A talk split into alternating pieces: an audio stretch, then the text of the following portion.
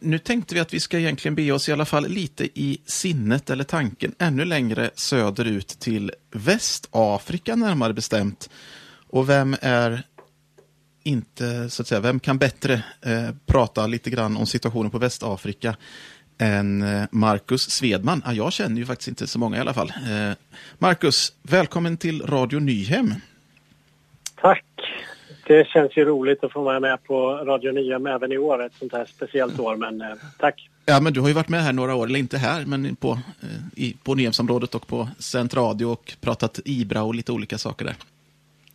Så vi har träffats. Ja, jag tror att lyssnarna kan känna igen dig i, i rösten. Det är möjligen att du inte hette Svedman någon gång när vi började, utan det var ett annat efternamn på dig när vi lärde känna varandra, tror jag. Men annars så känns rösten och arbetet igång. Eh, Västafrika, det är nästan hemma för dig. Det kanske är mer hemma än en del platser i Sverige, eller? Ja, men nu är det ju så här att de senaste 14-15 månaderna eller något sånt där så har jag ju fått hålla mig mera på hemmaplan på grund av alla restriktioner och så. Även om nu har jag en spruta i armen så att snart så, kanske i september får jag åka till Sahelområdet igen då i Västafrika. Har du, har du, någon håller du räkningen på hur många gånger du har varit där? Nej, det har jag nog tappat faktiskt. För eh, första gången var 2003 i Afrika och sen har det ju varit många resor. Ja. Det är lite som en annan åker till Stockholm så åker du till Västafrika. Ja, men jag har haft sådär att varannan månad en Afrikaresa under ett par år. Det, det har det ju varit. Ja. Du sa Sahelområdet, jag sa Västafrika. Vad, vad, vad pratar vi om för område? Vad är det för länder? Hur ska vi liksom rama in det här för lyssnarna? Ja, säger vi hela Västafrika då är det ju 15-16 länder och från Senegal i väster, Afrikas västligaste punkt då ut mot Atlanten. Och sen egentligen hela vägen in till Chad. Chad skulle man kunna säga är Centralafrika men det är ju en gammal fransk koloni och det, mycket av det här är ju fransktalande Västafrika så att eh, från väster då, Senegal, Mali, Burkina Faso, Niger, Chad, det är Sahel eh, som är Saharas gränstrakter eller det här torra eh, ja, halvökenområdet får man väl säga där. Eh, när vi säger Sahel så är det Saharas kust. Säger vi Västafrika då räknar vi alla andra länder eh, söderut också där som Togo, Benin och Elfenbenskusten och Guinea och, och Liberia och Sierra Leone. Och, ja, det finns många. Det är ganska mycket. Det, det, det, var inte där det var lätt att ha alla rätt om man skulle ha så här geografiprov på Afrikas eh, länder och placera in dem rätt på en blindkarta. Eh, vad är det som gör att Sahelområdet är aktuellt nu eh, och i blickfånget? Eh, vi har ju sett och förstått att Ibra är igång, men det är ju aktuellt. Vad, vad, kan du ge en liten bild av vad det är som har hänt och händer? Ja, den som eh, får Ibra-tidningen Signalen hem i brevlådan kan ju läsa mycket om det. Eller, nu finns det ju inget eh, montertent att gå och hämta den i på Nyhemsområdet, men där står det mer om det här. Men det har varit ett antal militärkupper eller försök till statskupp i länder som eh, Niger och Mali och, och Chad och så här under våren. Samtidigt så är det ju, hotar det ju med svält. Det är mycket torka i de här områdena. Eh, tufft klimat, men det som är mest i nyheterna är nog alla terrorattacker och jihadister och separatister i norr. Eh, inte minst i Mali har det varit i många år, men det där har spridit sig till eh, grannländer också. Även Burkina Faso är drabbat av eh, flyktingar och, och sådär. Så att eh, tyvärr är det ju när staterna, regeringarna inte riktigt har makten i norra delarna av länderna så kan ju terrorister frodas och olika rebellgrupper hållas utan att de riktigt kan bli stoppade. Och då blir det ju droghandel och människosmuggling och flyktingarna kommer därifrån och upp till oss i Europa. Så att allt hör ju ihop på något sätt. Mm. Jag läser här i något, eh, en liten sammanfattande text om ett, ja, någon, en medarbetare från Ibra som då mötte en kvinna. Och det jag fastnade för var en, en fras där det står att samtalet kom in på tro, som det så ofta gör i ett muslimskt samhälle. Är det lätt att prata tro? Du har ju varit och träffat massa människor, men är det alltså ganska lätt att prata tro i den här delen av världen? Ja, jag minns eh, första gången jag kom till Västafrika, den gången var det i, i Togo. Då det var bland det första jag reagerade på. Här är inte frågan om Gud finns. Det är självklart, det är inte frågan. Det är inte så man liksom vinner någon till frälsning utan det är eh, vilken Gud är starkast eller vilken religion har rätt. Det, det, att Gud fanns eller finns, det är självklart för de flesta.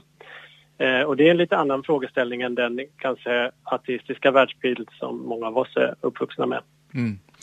Det borde ju innebära att det är ganska öppet då, men det är ett, alltså ett öppet landskap för att just prata om rent, alltså att folk är mottagliga. Eh, men jag förstår att det är ganska liten andel som då är evangelikala eller kristna i de här länderna som är aktuella nu, där vi pratar om som Ibra satsar. Ja, om man nu förenklat igen, jag säger det två gånger förenklat så att ingen blir upprörd, men om ni tar fram en linjal och drar ett streck över Afrikas karta där utifrån ungefär Senegal eller kanske Guinea i Västafrika och över till Afrik spetsen på Afrikas horn, Somalia där eller lite norr om kanske Eritrea. Bara dra ett linjalstreck tvärs över Afrika så kan man skriva islam norr om och kristendomen söder om. Och då får vi lite bilden av varför vi pratar Sahel också för att det är just det här där, där religionerna möts. Eh, som i Niger är det kanske 99 procent eller 98-99 procent muslimer och sånt. Eh, och liknande, inte riktigt högt, men i Mali och i Senegal och, och stora delar av Chad är det en stark muslimsk majoritet också. Så att man har muslimer i norr och så mer kristet eh, längs kusten i söder. Och då möts det där och då blir det spänningar både mellan etniska grupper men också just vilken eh, religion som dominerar i de olika samhällena. Eh, och sen finns det mycket naturreligioner och okkultism och, och demonisk aktivitet tyvärr också så att det är en utmanande miljö för en missionär och för andra. Mm. Vi kanske inte kan undvika frågan lite det här kring pandemin som ju är väldigt påtaglig för oss då. Då menar jag pandemin och eh, den här sjukdomen covid-19. Hur märks den av i Västafrika? Och Sahelområdet då, om man får, nu är det också återförenklat såklart, ja. men vad, vad, tänker du? Nej, liksom nej, men för det är nog så här att eh, restriktionerna har drabbat hårdare än vad själva sjukdomen har gjort. Eh, men då kan vi ju säga att en del av de här länderna har drabbats av både hiv, aids och ebola och eh, ja, mycket malaria dör människor i. Många dör i svält. Det hotar med svält i år igen borta i, i Chad inte minst. Och så, där. så att när man har så stora omvälvande problem så kan ju covid-19-viruset i, i sig kännas som en en mindre sak eller nästan bagatelliseras. Men restriktionerna har ju fått konsekvenser mm. och drabbat hårt. Mm. Påverkar ekonomi och sånt där också kanske i den mån den, även om den är svag från början, så, så klart den globala kan få sådana influenser Ja, om vi är i kyrkkontexten så om kyrkorna inte får mötas och där så betalar man inte med swish eller kort utan man ger kontanter i kyrkan och då kommer det inga kollekter alls om inte församlingarna får mötas på ett halvår och så kan inte pastorerna försörja sig och så ja, du har hela, hela snurren. Mm. Vad är det nu IBRA gör för att stärka de kristna i de här områdena? Vad är det som det här arbetet går ut på, så att säga, eller det här som nu är fokus?